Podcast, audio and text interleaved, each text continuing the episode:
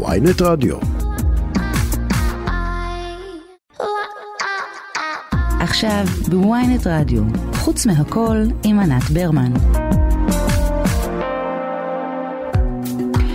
צהריים טובים, אתם מאזינים ל"חוץ מהכל", תוכנית שבה נצא לשעה אחת מהשכונה שלנו לסיבוב במקומות אחרים בעולם. אנחנו חזרנו אחרי uh, הפסקה קצרה, והפעם, כמו בכל תוכנית, ננסה להביא את הסיפורים הכי מרכזיים והכי מסקרנים שקרו בשבוע האחרון ברחבי הגלובוס, ולהבין אותם יותר לעומק. את התוכנית עורכת טס גדות, חגי בן עמי הוא הטכנאי, אני ענת ברמן, אנחנו מתחילים.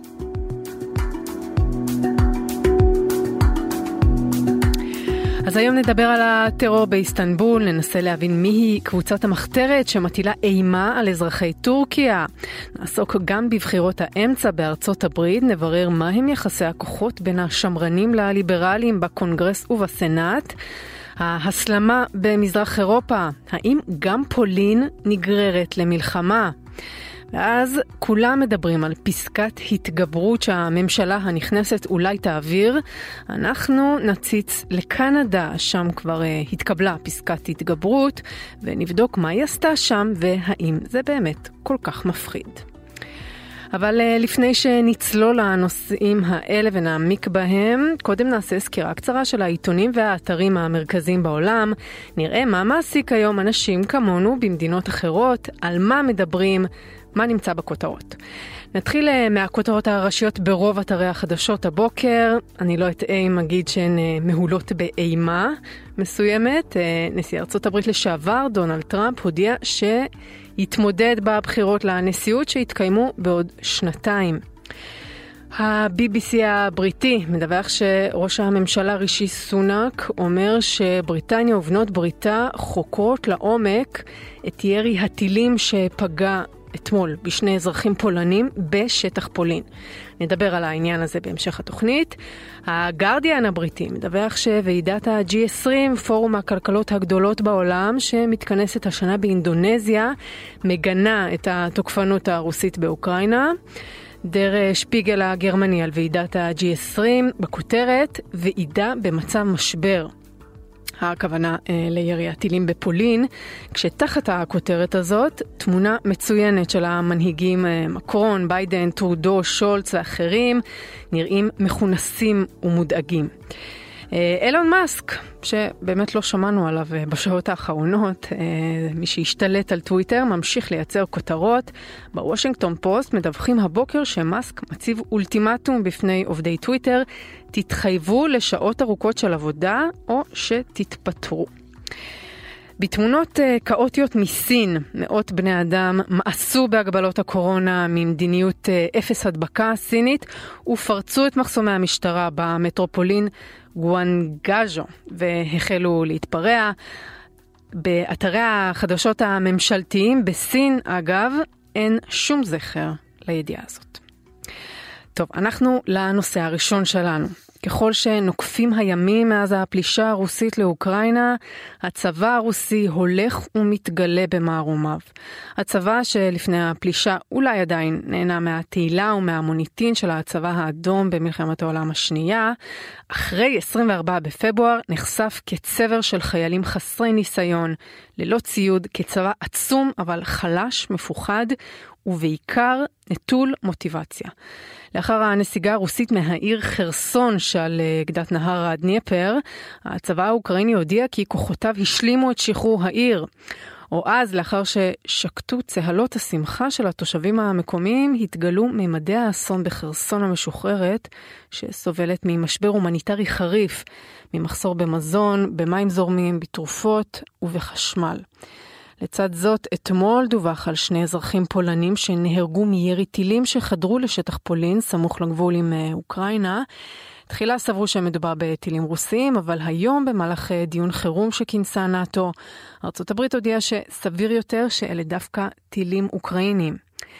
איתנו על הקו אה, יאנה סורדנה, עורכת חדשות ב-i24. שלום יאנה. שלום ענת. אז אה, אתמול, כשנדמה היה שמדובר בטילים רוסים שפגעו בשטח של מדינה שחברה בנאט"ו, זה היה נראה כמו נקודת מפנה משמעותית במלחמה, שלנאט"ו אולי עכשיו לא תהיה ברירה אלא להצטרף ללחימה, אבל עכשיו שאנחנו מניחים שאלה לא טילים רוסים, האם מדובר באירוע משמעותי?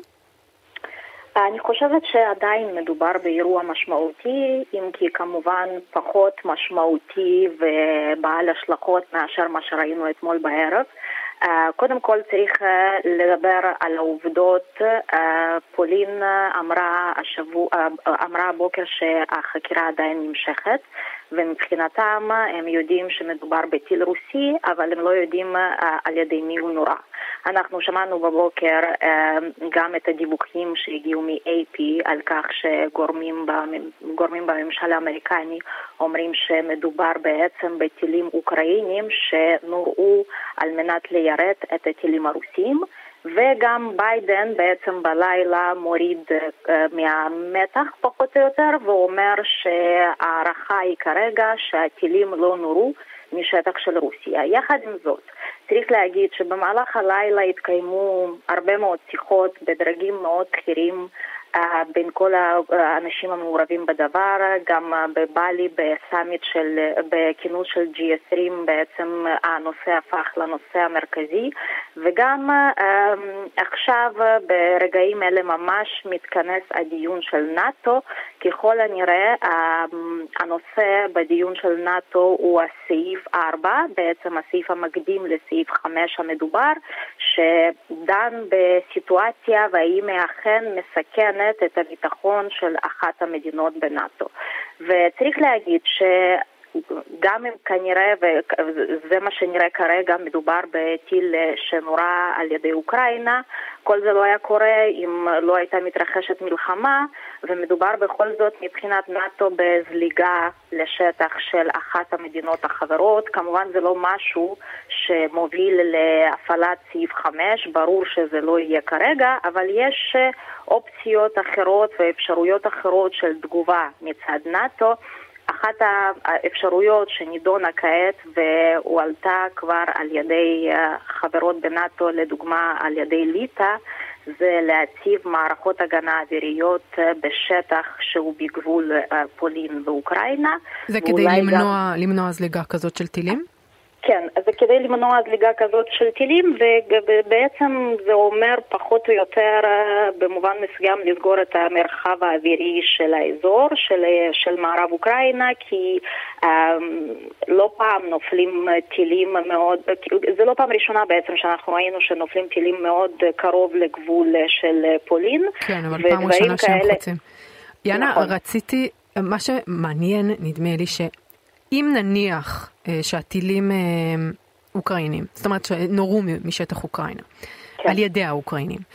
ואז את, את חושבת שמדובר בטעות, או שיש פה איזשהו אינטרס אוקראיני אה, להגביר את המתח בין נאט"ו לבין רוסיה? לא, אני לא חושבת שזו אופציה בכלל אה, של איזושהי פרובוקציה או צעד כזה. אני לא חושבת שבטווח הרחוק ומבחינת אה, שיתוף הפעולה עם אה, מדינות המערב זה באינטרס של אוקראינה בכלל לעשות משהו כזה, זה משהו שיכולים לדעת אותו ויכולים לדעת מדוע עשתה אוקראינה צעד כזה. אני ממש לא חושבת שזה משהו שעל הפרק. זאת אומרת שכך או כך, גם אם הטילים הם נורו על ידי האוקראינים וגם אם על ידי הרוסים, זו טעות מוחלטת, לא הייתה פה שום כוונת מכוון. תראי, אני, אה, שוב, החקירה עדיין נמשכת, ועדיין לא נאמר משהו באופן סופי ומוחלט. אם אנחנו הולכים לכיוון תיאורטי, אז, אה, אה, וגם ביידן אגב אמר שהטילים כפי, הטיל כפי הנראה לא נורה משטח של רוסיה. כלומר, אה, זה לא אומר שהוא לא נורה על ידי הרוסים. האופציות האחרות שיכולות להיות פה, אם נניח אנחנו הולכים לכיוון של פרובוקציה רוסית, דווקא לדוגמה טיל יכול היה להיות מכיוון של בלארוס וגם יכול להיות משטח הכבוש של אוקראינה וגם ש- ש- שמשם הוא נורה בעצם, בעצם על ידי הכוחות הרוסים ונוצר פה בעצם מצב שלא יכולים לדעת בוודאות של מי הטיל ומי ירה אותו כיוון שכל שלוש המדינות שציינתי כרגע כל המדינות האלה עושים שימוש בטילים האלה. משטח של בלארוס בעצם זה גם רוסיה שמפעילה טילים, גם משטח הכבוש, וזה גם יכול להיות אוקראינה, אבל לגמרי כ- כתגובה לטילים שנועים על ידי רוסיה, וזה משהו ש, ש, ש, שיכול לקרות במלחמות מהסוג הזה, כשגם אה, בוא נזכיר שאתמול אה, הייתה התקיפה הכי נרחבת מצד אה, רוסיה על שטחי אוקראינה, יותר נרחבת מזאת שראינו בעשרה באוקטובר, mm-hmm. והיא פגעה באופן משמעותי בתשתיות במדינה. אתמול בעצם מחצית המדינה הייתה מנותקת מחשמל, ועדיין גם היום יש הפסקות חשמל נרחבות. הפסקות אספקת מים בשטחים נרחבים של אוקראינה.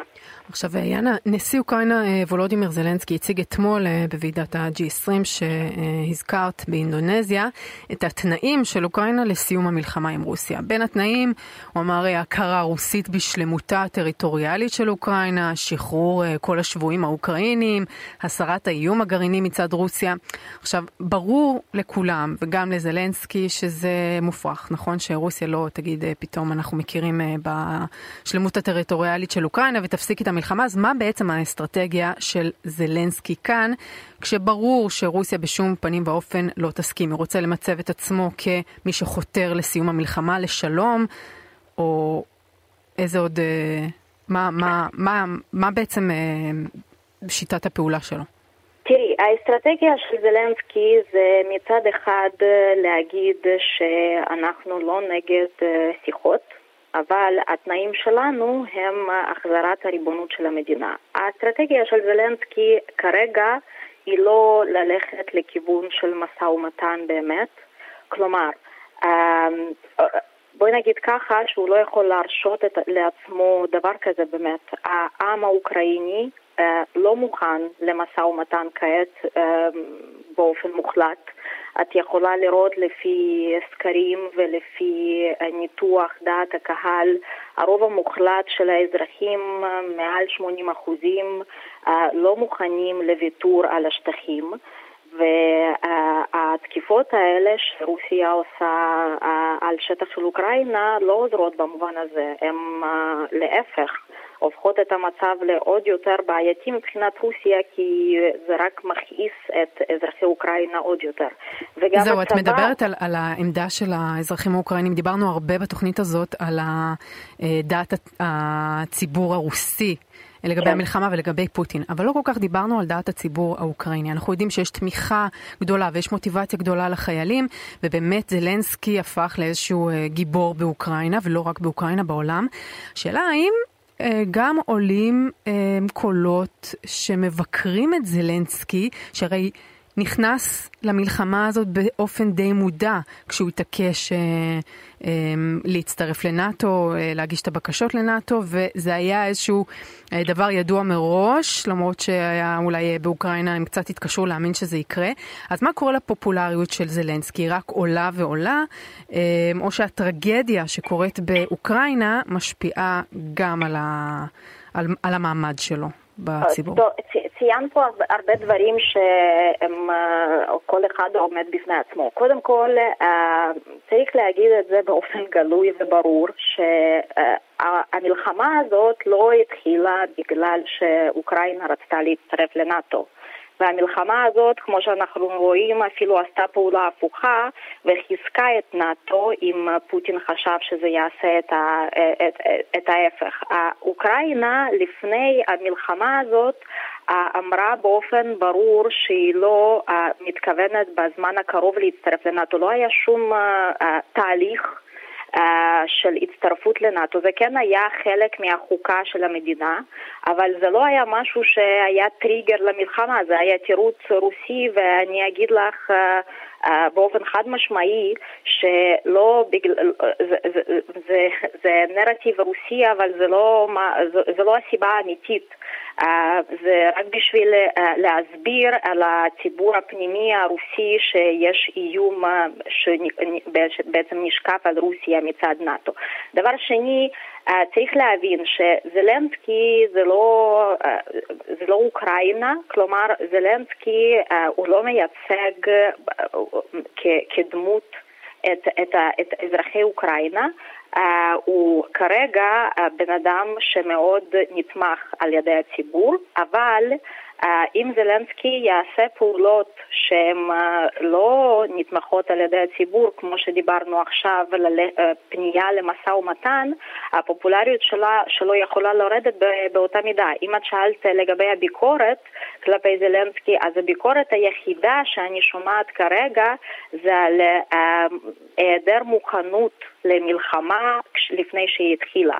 ועל כך שומעים את זה מהרבה גנרלים, מפקדים בצבא לשעבר ואנשים שהיו מעורבים במלחמה בשמונה השנים האחרונות, שבעצם אוקראינה בחזית הדרומית שלה לא הייתה מוכנה למלחמה בצורה מספקת ואולי ההנהגה האוקראינית זלזלה במובן מסוים בכך שבאמת תהיה מלחמה כוללת. אז על זה כן שומעים ביקורת. אני לא שומעת כן, ביקורת... כן, קשה לשכוח את הדברים של זלנסקי לפני הפלישה, שצריך להפסיק עם ההיסטריה.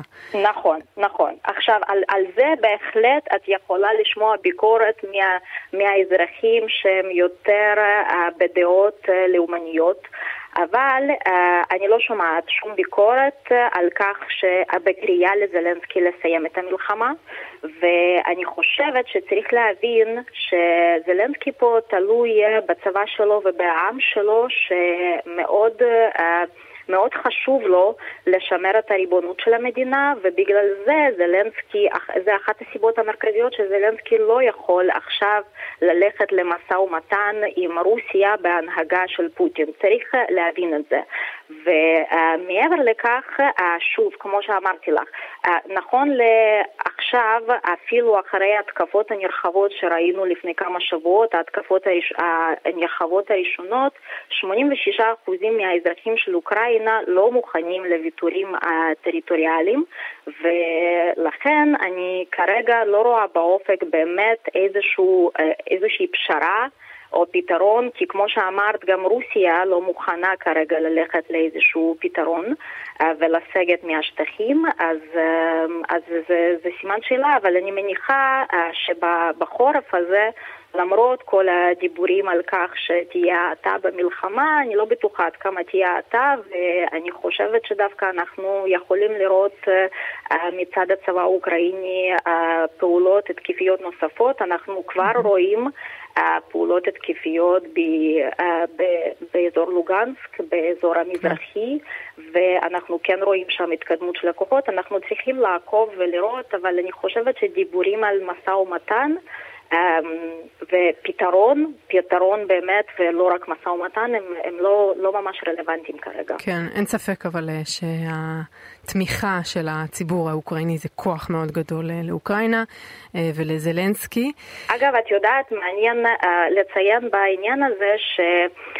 דווקא בחודשים האחרונים יש אולי קצת ירידה בפופולריות של זלנסקי עצמו, אבל התמיכה ברמטכ"ל של צבא אוקראינה הולכת ומתחזקת. מעניין. וזה דווקא מביע את, ה, את, ה, את הרוח הדברים וה, והמורל של האזרחים שכרגע באמת לא מוכנים ללכת לאיזושה, לאיזשהו פתרון שהוא לא סיום הסכסוך מבחינת השמירה כן. על טריטוריות של אוקראינה.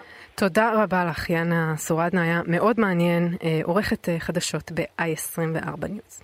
תודה, תודה רבה.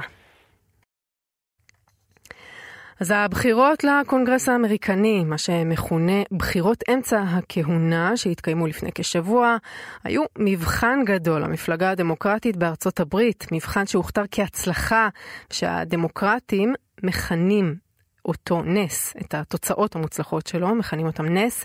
בניגוד לכל, לכל התחזיות, המפלגה של ביידן הפתיעה ושמרה על רוב בסנאט. אמנם היא איבדה את השליטה בבית הנבחרים, אבל בפער דחוק. הבחירות האלה, נזכיר, נערכות אחת לארבע שנים באמצע כהונת הנשיא, ובהן אה, נבחרו כל חברי הבית התחתון של הקונגרס, 435 מושבים אה, בבית הנבחרים, ושליש מחברי הבית העליון, 35 מתוך 100 המושבים בסנאט. נגיד שלום לרותם אורג, חוקר ומרצה אה, על פוליטיקה ומדיניות חוץ אמריקנית, העורך הראשי של הבלוג וושינגטון אקספרס. שלום רותם. שלום ענת. אז אה, בואו נתחיל עם החדשות הטריות מהבוקר. הנשיא לשעבר דונלד טראמפ הודיע שהתמודד לנשיאות בבחירות הבאות. בואו נשמע. In order to make America great and glorious again, I am tonight announcing my candidacy for President of the United States. Together, we will be taking on the most corrupt forces and entrenched interests imaginable. Our country is in a horrible state. We're in grave trouble. This is not a task for a politician or a conventional candidate. This is a task for a great movement that embodies the courage, confidence and the spirit of the American people. טוב, אז אנחנו שומעים פה את, את טראמפ טיפוסי כמובן, אבל רותם, לפי התוצאות של בחירות האמצע, ואני אומרת את זה בזהירות רבה כמובן, נראה שהסנטימנט הלאומי האמריקאי נוטה דווקא לביידן ולדמוקרטים, לא? שאלה מצוינת שאפשר אפילו יותר להגיד שיותר משהסנטימנט האמריקני נוטה לכיוון הדמוקרטים, הוא נוטה נגד טראמפ.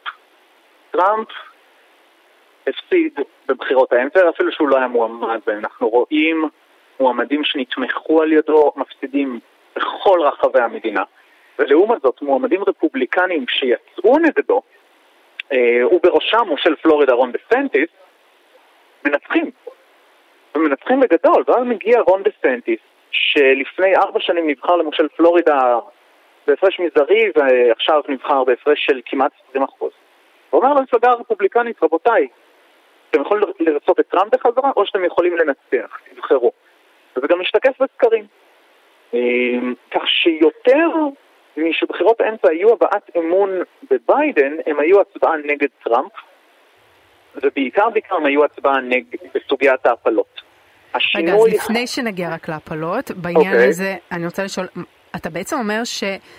הדמוקרטים ניצחו, אה, באופן יחסי לפחות, אה, בזכות אה, טראמפ. כלומר, הרפובליקאים מודים שטראמפ הוא בעיה למפלגה? הרפובליקאים באופן רשמי אני חושב שעדיין לא, אבל אם אנחנו רגע קוראים את האקוסיסטם הרפובליקני, עיתונים שמרניים לצורך העניין, חד משמעית מבינים שכן. הוול סטריט ג'ורנל בוקר אחרי הבחירות מפרסם טור דעה שנפתח במשפט, מה יעשו הדמוקרטים כשלא יהיה דונלד טראמפ שיעזור להם לנצח. אז זה, זה נשמע שהדבר היחיד שהרפובליקאים צריכים להתמקד בו זה איכשהו להעיף את טראמפ, לא שזה אפשרי להעיף, אבל כמובן אה, אולי אה, להציע מועמד אה, מתחרה, מספיק כריזמטי ומספיק סוחף, שיתמודד מול טראמפ, אחרת הם באמת בבעיה גדולה. זה בהחלט נכון, ובעיקר הבעיה, להבנתי, של המפלגה הרפובליקנית זה שהיא מפוצלת בין, לא בין שני מחנות, אלא בין שלושה מחנות. מחנה טראמפ, מחנה רק לא טראמפ, שזה מועמדים רפובליקנים קצת יותר old school, אה, מה שבארץ אנחנו קוראים לו ימין ממלכתי, כן, מיט רומני, ליז צ'ייני, אבל זה מחנה שלהבנתי הוא נמצא בירידה, ומחנה השלישי הוא מחנה טראמפ 2.0, שרון דה סנטיס הוא הגרסה המשודרגת שלו, אה, כריזמטי, פופוליסטי באיזשהו מקום, אבל הרבה יותר מתוחכם, פוליטיקאי הרבה יותר משופשף מאשר טראמפ, והוא נוקט אגב באסטרטגיה מאוד מאוד מתוחכמת טראמפ תוקף אותו בכל הזדמנות שיש לו, הוא כבר פרסם הודעה רשמית אה, שמנסה לגמד ולהגחיך אותו, ודסטנטיס שותק. אתה אומר שלעומתו אה, טראמפ אה, נראה מתון וממלכתי. לא, אני לא חושב שטראמפ נראה מתון וממלכתי לעומתו.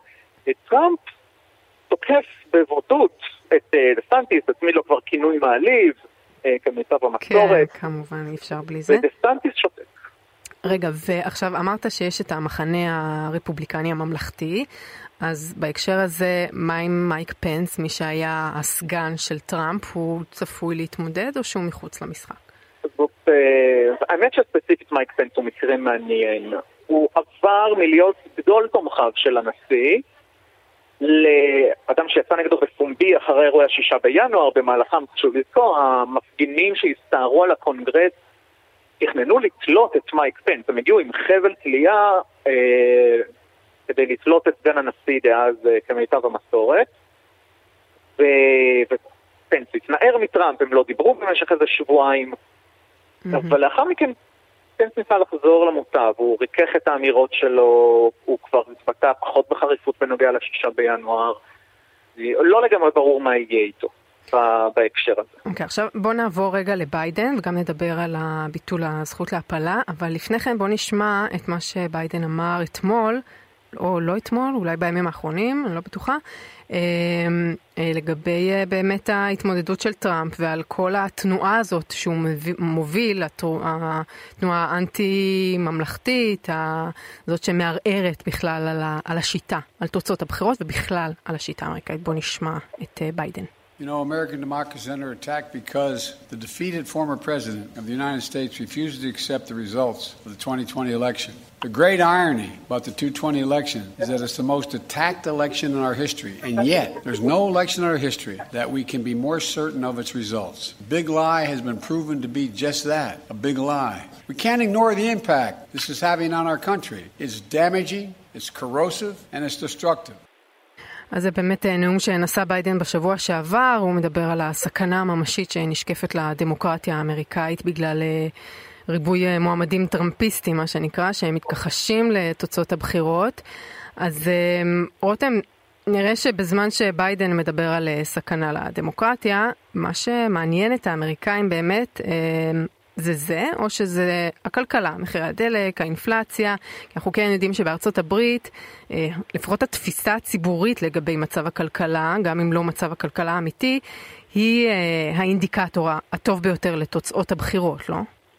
בסך הכל כן, וגם ראינו את זה בבחירות האחרונות, שהאינפלציה באופן ספציפי גם דורגה בתור הנושא הכי משמעותי אה, כשבוחרים מחליטים למי להצביע.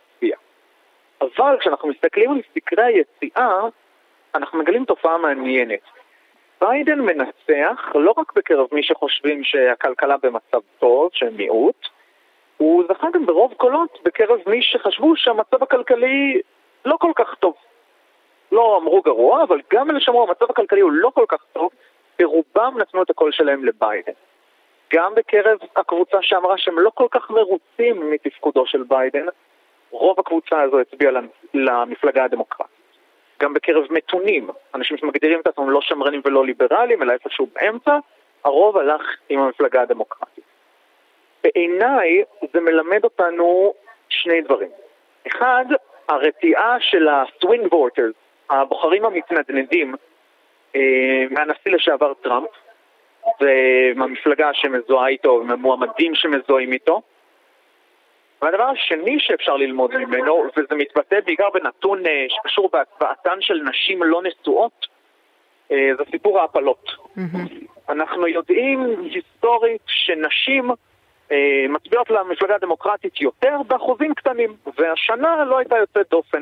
53% מהנשים בארצות הברית הצביעו לדמוקרטים, בדיוק כמו בבחירות 2020. הנתון המדהים הוא ההבדל בדפוסי הצבעה של נשים לא נשואות. Mm. ב-2020 נשים לא נשואות הצביעו לדמוקרטים בשיעור של 63 אחוזים. בבחירות האלה נשים לא נשואות הצביעו לדמוקרטים בשיעור של 68 אחוזים. זו עלייה מאוד דרמטית. וזה... ש... עלייה שהיא שונה מה... יכול להיות שבכלל אה, הצעירים שהם הלא נשואים מצביעים עם הזמן יותר למפלגה הדמוקרטית, או שזה ממש אה, מובהק שזה דווקא נשים? זה מובהק שזה דווקא נשים, כי דווקא גברים לא נשואים, שסטטיסטית גם צעירים יותר, כמו שהזכרת, יש איזושהי נטייה קלה לטובת הרפובליקנים, אבל קלה בלבד. ולנשים לא נשואות, התנועה היא תנועה מובהקת ורלוונטית גם בכל חתך של האוכלוסייה, למשל גם מבחינת גזע.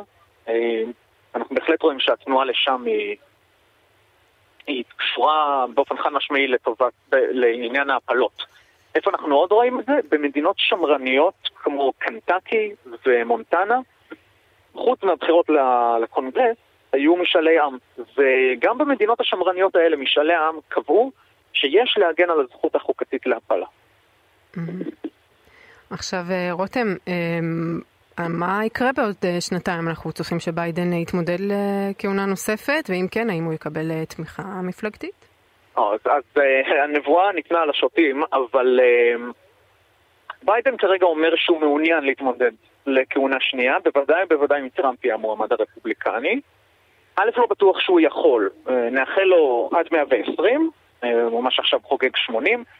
הוא לא בשיאו הגופני מן הסתם, ויש אפשרות סבירה שהוא לא יתמודד. לגבי השאלה מי יתמודד במקומו, אנחנו ממש לא במצב שאפשר להגיד. קמאלה האריס, סגנית הנשיא המועמדת הטבעית, אבל היא מאוד לא פופולרית. יש הרבה קולות במפלגה שטוענים שזה לא נכון לתת לה את המועמדות על מגע של כסף, אה, שהיא תצטרך לעבור פריימריז כמו כולם. ומצד שני, דרישה לפריימריז בטענה שהרס צריכה להרוויח את המועמדות שלה, יש גורמים שיטענו שזה רומז שכאישה שחורה היא לא אלקטבול, היא לא בחירה בחטא. כן, אה, טוב, זה כבר אה, מעלה את כל הסוגיות הכי כבדות אה, שתמיד עולות, כן, כן. בבחירות בארצות הברית, אבל מה שבטוח אפשר לומר, שהבחירות לנשיאות ארצות הברית 2024 יהיו מלאות רפש ומכוערות, לפחות כמו שהיה ב-2016. נכון. טוב, תודה רבה לך, רותם מורג, חוקר ומרצה על פוליטיקה ומדיניות חוץ אמריקנית, העורך הראשי של הבלוג וושינגטון אקספרס. תודה רבה. תודה לך. עכשיו אנחנו לעניין הבא שלנו, אה, בצהרי... אז אנחנו אה, לעניין הבא שלנו אחרי אה, הפסקה קצרה. עכשיו בוויינט רדיו, חוץ מהכל עם ענת ברמן. אנחנו עם אה, חוץ מהכל חזרנו. אמ, עכשיו אנחנו לטרור בטורקיה. בצהרי יום ראשון, באזור השעה רבע לשתיים, נשמע פיצוץ עז בשדרות איסטיקלל שבלב איסטנבול. המדרחוב האלגנטי שלאורכו חנויות ומסעדות רבות, הומה האדם, הפך לזירת טרור שבה נהרגו שמונה בני אדם ויותר משמונים נפצעו. בסרטון אבטחה מזירת האירוע אפשר להבחין באישה צעירה שמשאירה מטען חבלה על ספסל בשדרה ונמלטת מהמקום דקות בודדות לפני הפיצוץ. ביום שני פרצו כוחות הביטחון הטורקים למספר מקומות שבהם העריכו שהאישה הזאת נמצאת, ולבסוף עצרו אותה בביתה. הרשויות בטורקיה הודיעו שמי שעומדת מאחורי פיגוע הטרור, ולא בפעם הראשונה, היא המחתרת הכורדית, ה-PKK. במי מדובר ומה הם רוצים, נגיד שלום לאחד המומחים הגדולים בישראל לטורקיה, דוקטור חי איתן יאן רוז'ק. ממכון, שלום, שלום. שלום, ממכון ירושלים לאסטרטגיה ולביטחון וחבר במרכז משה דיין באוניברסיטת אה, תל אביב. אה, שלום אה, דוקטור יאן רוז'ק, אני אומרת נכון את השם משפחה? אכן, אכן, תודה רבה. צהריים טובים. צהריים טובים, אז בואו נתחיל מההתחלה. מה זה PKK ומה הם רוצים? אוקיי, okay, אז uh, קודם כל, uh, אני חייב לציין שאני לא חושב שה-PKK עומד מאחורי הפיגוע, אבל בגלל העובדה שאני מכבד אותך, אז אני אענה על השאלה כן, שלך. כן, אני יודעת ש, שזו העמדה שלך, ואתה כנראה לא נכון. היחיד, אז אחרי זה אה, נראה מי, אה, תספר לנו מי בעיה. לדעתך כן, אבל בכל בעיה. זאת הם אז... נמצאים במוקד השיח נכון. כרגע. נכון, אז ה-PKK אה, נוסד ב-1973 באנקרה על ידי פעיל כורדי בשם עבדוללה ג'לן, מאוחר יותר ב-1984, הם התחילו לבצע את הפעילויות טרור שלהם. הם uh, בעבר, בשנות ה-80 ובשנות ה-90, הם באמת uh, כיוונו נגד גם uh, אוכלוסייה האזרחית, אבל אפשר להגיד החל משנות 2010 ו, uh, וצפונה, הם, uh, בואו בוא, בוא, בוא נגיד שהם התחילו להתמקד יותר במטרות צבאיות או משטרתיות. אז לכן עצם העובדה שאנחנו רואים שהם מניחים פה איזשהו חומר נפץ בלב ליבה של איסטנבול, איפה שגם אה, הרבה אה, כורדים אה, חיים. אה, אני ממש מטיל בזה ספק. אה, זה גול עצמי ענק אה, עבור ה-PKK אם וכאשר הם יעשו דבר כזה. אני גם רוצה להסביר למה שזה גול עצמי אה, גדול מאוד. כן, אה, רק אה, ש... בוא, אה, למי שלא מכיר כל כך את הזה. אנחנו מדברים נכון. על השלטונות הטורקים שמאשימים את... אה, קבוצת המורדים אה, הכורדים, שיש מאבק מאוד ארוך, נכון? שמה הם בעצם רוצים? הם רוצים נכון. אה, הכר... אוטונומיה מטורקיה. נכון. זה בעצם אוכלוסייה מאוד גדולה, מיעוט מאוד גדול ש... שרוצה עצמאות שם, שהוא נמצא לא רק בטורקיה, אבל רבים נמצאים בטורקיה. ושיטת הפעולה שלנו, אנחנו מכירים אותה גם ממיעוטים אחרים, של טרור. והם באמת, הם עשו גם, גם לפני שנה, לא לפני שנה, אבל ב-2016 היה פיגוע באותו המקום, נכון? שנהרגו שם מספר ישראלים. אז זה היה דאעש. כן. אה, אוקיי. כן. אז זה לא היה לא שלהם, זה היה דאעש. אז עכשיו, הפיגוע הזה, הרשויות הטורקיות ממהרות להאשים את ה-PKK, ואתה טוען, כן. לא מדובר ואני... במורדים הכורדים, אז במי כן מדובר ולמה מאשימים אותם? אוקיי, אז קודם כל, למה מאשימים את הכורדים? אה, כי אה, יוני 2023 טורקיה הולכת לבחירות, ובמחנה, אה, בצד השני של ארדואן, כלומר במחנה מולו, שאנחנו יכולים לכרות אותו כהמחנה רק לא ארדואן, יש לנו כורדים ולאומנים טורקים ביחד. אז אם וכאשר אנחנו נאשים את הכורדים, אז זה בעצם עלול להבריח uh, את הלאומנים הטורקים שכן יכולים לשתף פעולה עם הכורדים כדי להפיל את שלטונו של uh, ארדואן. אז, אז ארדואן בעצם. רוצה לסכסך ביניהם, להפריד ביניהם כדי שלא ישתפו פעולה נגדו. בדיוק, בעיניי אפילו אם הוא יודע היטב שזה לא כורדים, אז זה, זה אינטרס שלא להגיד שזה כורדים, כדי לסכסך uh, את הכורדים עם הלאומנים הטורקים, וכך שהם לא יוכלו לעמוד מולו. זה מה שאני חושב, וכמובן אה, כל אחד יכול אה, לחלוק איתי, אני לא חייב לשכנע אף אחד, אני רק אומר את דעתי. אבל זה מעניין, כי זאת אומרת, זה מה שיגרום להם אה, להפסיק לשתף איתם פעולה, הרי הם יודעים שזו קבוצה שבכל העולם, במדינות רבות מאוד בעולם מוכרת כארגון טרור, והיא נכון. כן הורגת אזרחים חפים מפשע, אז מה, הפיגוע הזה זה מה שיפוצץ את היחסים? מה עם, מה עם הפיגועים הקודמים שהיו? זה לא מפריע ללאומנים הטורקים? אז uh, בפיגועים הקודמים, כפי שאמרתי, בשנות ה-80 ובשנות ה-90, הם אכן הרגו אזרחים חפים מפשע. אבל אח, אחרי 90, אחרי uh, שנות ה-2000, התחלנו לראות שהם מתכוונים לפגוע uh, כמעט אך ורק נגד החיילים ונגד השוטרים. Uh, אני גם עכשיו רוצה להפנות את תשומת לבכם לזירה אחרת שכמעט אף אחד לא מדבר על העניין הזה, ואני גם כתבתי על זה טור דעה uh, רק לפני יומיים, ש... אני טוען שדווקא הפיגוע הזה מגיע בעיניי מצפון סוריה. Uh, באוגוסט האחרון uh, טורקיה הכריזה על כוונתה לאט לאט לנרמל את היחסים שלה עם בשאר אל-אסד וכולנו ראינו שהאופוזיציה הסורית הם מחו נגד ההחלטה הזאת, ארגנו 33 הפגנות uh, שונות זה מזה, שרפו דגלי טורקיה בתוך טורקיה, אה, ראו במהלך הזה כסוג של איום ישיר נגד אה, הביטחון הלאומי של טורקיה. ועכשיו המחבלת שנתפסה היא ממוצא סורי, היא ערבייה, היא לא כורדיה, אבל מה אומרים עכשיו? היא כאילו עברה מהאזור הכורדי וקיבלה הוראות מהכורדים. אני חושב ש... כן, פתאום, פתאום צץ מודיעין טורקי כזה, אתה אומר. אז אני חושב שנו באמת, כן. Mm-hmm. כאילו, אני, הם לא יכולים אה, בקלות אה, להודות בזה שאכן זה בגלל המדיניות החוץ החדשה שלנו, בגלל העובדה שאנחנו מטרידים את הסורים, שאותם אנחנו קיבלנו אה, בתוך טורקיה בתור פליטים, עכשיו הגולם קם על יוצרו, מה שנקרא. הם לא יכולים כמובן להודות, אז מזווית הראייה שלהם, הכי קל להאשים את הכורדים, כי עוד פעם, זה יכול לתרום להם פוליטית. כן, עכשיו, אה, קודם כל עמדה מעניינת, אה, שלא לא ממש שומעים אותה בפרשנויות האחרות לגבי הפיגוע הזה, זאת אומרת, זה לא מקרי שהיא סורית. עכשיו, נסיים עם שאלה שמעניינת את כולנו, יש, יש איזשהו חשש למעמדו של ארדואן?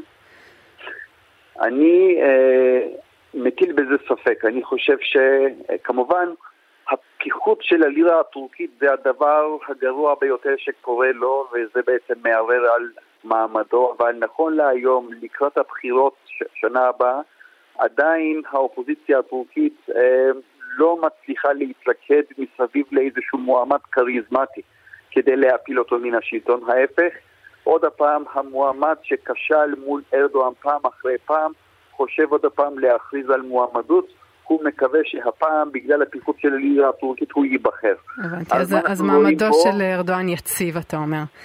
אני אה, חושב שהוא ישרוד, וכדאי לנו מאוד לתכנן את המדיניות החוץ שלנו לפי התסריט הזה. כן, טוב, ראינו איזשהו נרמול של היחסים לאחרונה. בכל מקרה, תודה רבה לך, דוקטור חי איתן ין, ין רוז'ק, מומחה לטורקיה, תודה. מכון ירושלים לאסטרטגיה ולביטחון וחבר במרכז משה דיין באוניברסיטת תל אביב. תודה. תודה. בימים, אה, בימים אלה, יושב ראש אה, הליכוד בנימין נתניהו מנסה להקים ממשלה יחד עם השותפות שלו לגוש, מפלגת הימין, יש שיגידו ימין קיצוני, הציונות הדתית, ומפלגות החרדים, ש"ס ויהדות התורה. הדרישה הבולטת ביותר של אלה וגם של אלה היא חקיקה של פסקת התגברות, כלומר מנגנון שמאפשר לכנסת להתגבר על חוק יסוד. כלומר, מאפשר לכנסת לחוקק חוקים בלתי חוקתיים מבלי שבג"ץ יוכל לפסול אותם.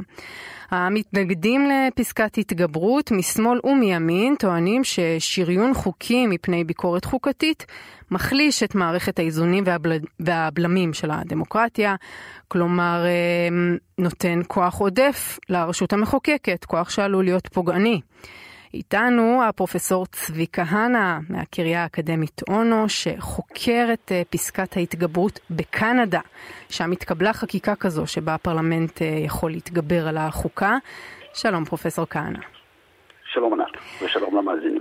אז אה, בואו נדבר על קנדה, מדינה ליברלית וחופשית לכל הדעות. איך הפרלמנט הקנדי בחר לנצל את מנגנון ההתגברות? אולי נתחיל עם למה מלכתחילה אמ, נוצר מנגנון כזה בקנדה. כן, אז אה, קנדה היא מדינה פדרלית, ובמדינה פדרלית הכוח החקיקתי מפוזר בין השלטון המרכזי לבין היחידות שבקנדה, בארצות הברית נקראות מדינות, בקנדה נקראות פרובינציות. עכשיו, עד 1982 אה, בקנדה לא הייתה מגילת זכויות אדם. הרעיון היה שכל מחוקק בתחום שלו יכבד זכויות אדם, כמו שיש במדינות מסוימות בעולם, אה, במובן מסוים עד היום. דוגמה בולטת היא למשל אוסטרליה או ניו זילנד, אנגליה עד 1998, בריטניה כלומר. הרעיון הוא שבשביל, זה היה קנדה הישנה, בשביל לכבד זכויות אדם לא חייבים חוקה ולא חייבים בית משפט עליון, שזה מוזיקה לאוזני המתנגדים אל בית המשפט העליון בישראל כמובן. עכשיו mm. ב-1982, סליחה על הסקירה ההיסטורית, תכף מסתיימת, כן. בא פוליטיקאי, האבא של הטרודו הנוכחי, פייר טרודו, והוא נתן לקנדה מגילת זכויות אדם, אבל הפרובינציות חלקן לא אהבו את זה ש... בית המשפט העליון הקנדי לפסול להם חוקים, אז הפשרה הייתה שתהיה פסקת התגברות. זאת אומרת, גם שם זה בעצם בעיית נציגות, נכון? לא אהבו שה... אה, שבית המשפט אה, שהוא לא נבחר מחליט... אה, יותר מזה, שם בעצם הוא לא רק לא נבחר, בקנדה הוא גם בית משפט. בקנדה אפילו השופטים בפרובינציות ממונים על ידי השלטון המרכזי. ושם יש עוד, זאת אומרת, זה בעניין פדרלי בעצם. אוקיי, אז מה לא בעצם המשמעות המעשית של הדבר הזה? מה, מה, איזה, איזה חוקים אה, נחקקו שם? כן, אז הנה למשל לפני שבוע, אה, זה כבר בוטל מאז בגלל שהיה לחץ ציבורי מאוד גדול, אבל אה, הייתה שביתת מורים באונטריו, והפרלמנט של אונטריו, ביודעו שהציבור לא אוהב שביתות, ולא אוהב שביתת מורים בכלל, פשוט חוקק חוק שאסר על השביתה וחייב כל מי ששובת בקנסות מאוד גבוהים, ובחשש שהחוק הזה ייפסל על ידי בית המשפט, הוא חיסן אותו מראש עם פסקת התגברות. ואיך זה, יש גם אה, פגיעה שאתה יכול לספר לנו על פגיעה במיעוטים לדוגמה בקנדה? כן, כן, קובק, בקובק, קובק קצת דומה לנו במובן זה שהיא אה, מיעוט בתוך קנדה, אנחנו מיעוט אה, בין האומות האחרות, זאת הטענה. ומה נחקק? לכן, וקוויבק מרשה לעצמה, בשם היותה מיעוט בתוך קנדה, אה, לדכא או לפגוע במיעוט האמיתי. באיזה אופן? למשל, אה, אסרו על עובדי מדינה בקוויבק לעטות סמלים דתיים. או... שזה פוגע ב... בחוקה, בחופש הדת. בחופש הדת, בחופש כן. הדת, וזה גם היה מבוסס סנטימנטים אה. או למשל, ממש לאחרונה, חייבו גם חברות אה, פרטיות להתנהל בצרפתית. זאת אומרת, תדמיינו פה שאם יש חברת הייטק שמתנהלת רק באנגלית, מחייבים אותה עכשיו להתנהל גם בעברית, ו... זה מה, מדאגה למעמד השפה האנגלית, הצרפתית בקולבק? זאת הטענה. הטענה היא שזה, שזה לא מבוסס על גזענות כן. או על סנטימנט לאומני, אלא על דאגה כנה לשפה הצרפתית ולרוח הצרפתית, אם זה מזכיר למישהו משהו, זה אחריותו בלבד. כמובן, אין, זה הכל, כל קשר מקרי בהחלט. אז גם שם בעצם אתה אומר שזו הייתה תגובה של השמרנים לאקטיביזם נכון, שיפוטי ליברלי של מערכת המשפט. באופן מובהק, הממשלות שעשו שימוש בפסקת הדיברות בקנדה הן ממשלות שמרניות. צריך להגיד שגם בית המשפט בקנדה הוא, הוא, הוא, הוא שמר, היום הוא יותר שמרן מליברל, אבל אה, במפורש זה היה מכשיר בידי ממשלות שמרניות. אה, אה, מה שמעניין בקנדה הוא שלפעמים הציבור בקנדה, זה בניגוד לציבור אצלנו, אצלנו, כן. אם אתה בעד בית המשפט העליון, אתה בעד פסקת התגברות, סליחה, אתה נגד פסקת התגברות ולהפך שם, בקנדה, הציבור לא אוהב את פסקת ההתגברות, גם אם הוא נגד בית המשפט. היו שני סיפורים, סיפור אחד באמת מהשבוע שעבר. רגע, פרופסור כהנא, אין לנו זמן לשמוע את הסיפור הזה, אבל כן מאוד חשוב לי לא להיפרד ממך לפני שאני שואלת אותך. איזה אה, לקחים אנחנו לומדים מהניסיון הקד... הקנדי אה, לגבינו? הלקח, ו... הוא, הלקח הוא שגם מחוקקים שהם הכי ליברליים והכי דמוקרטיים בעולם, עשויים לעשות שימוש לרעה בכוח. זה הלקח. זה לקח חזק מאוד, וגם אנחנו לא חייבים להכחיש את, ה, את ההיקש הברור שלנו למה שקורה בישראל. תודה רבה לך, פרופסור כהנא. תודה. קול עולה מן המזרח. דניאל סלאמה, עם סיפורים מהעולם הערבי. שלום לדניאל סלאמה, כתב לענייני העולם הערבי בוויינט וידיעות אחרונות, שנמצא איתנו כאן באולפן. שלום שלום, בשם שינוי אני פה באמת. סוף סוף, נכון. סוף סוף אני רואה אותך, לא רק שומעת.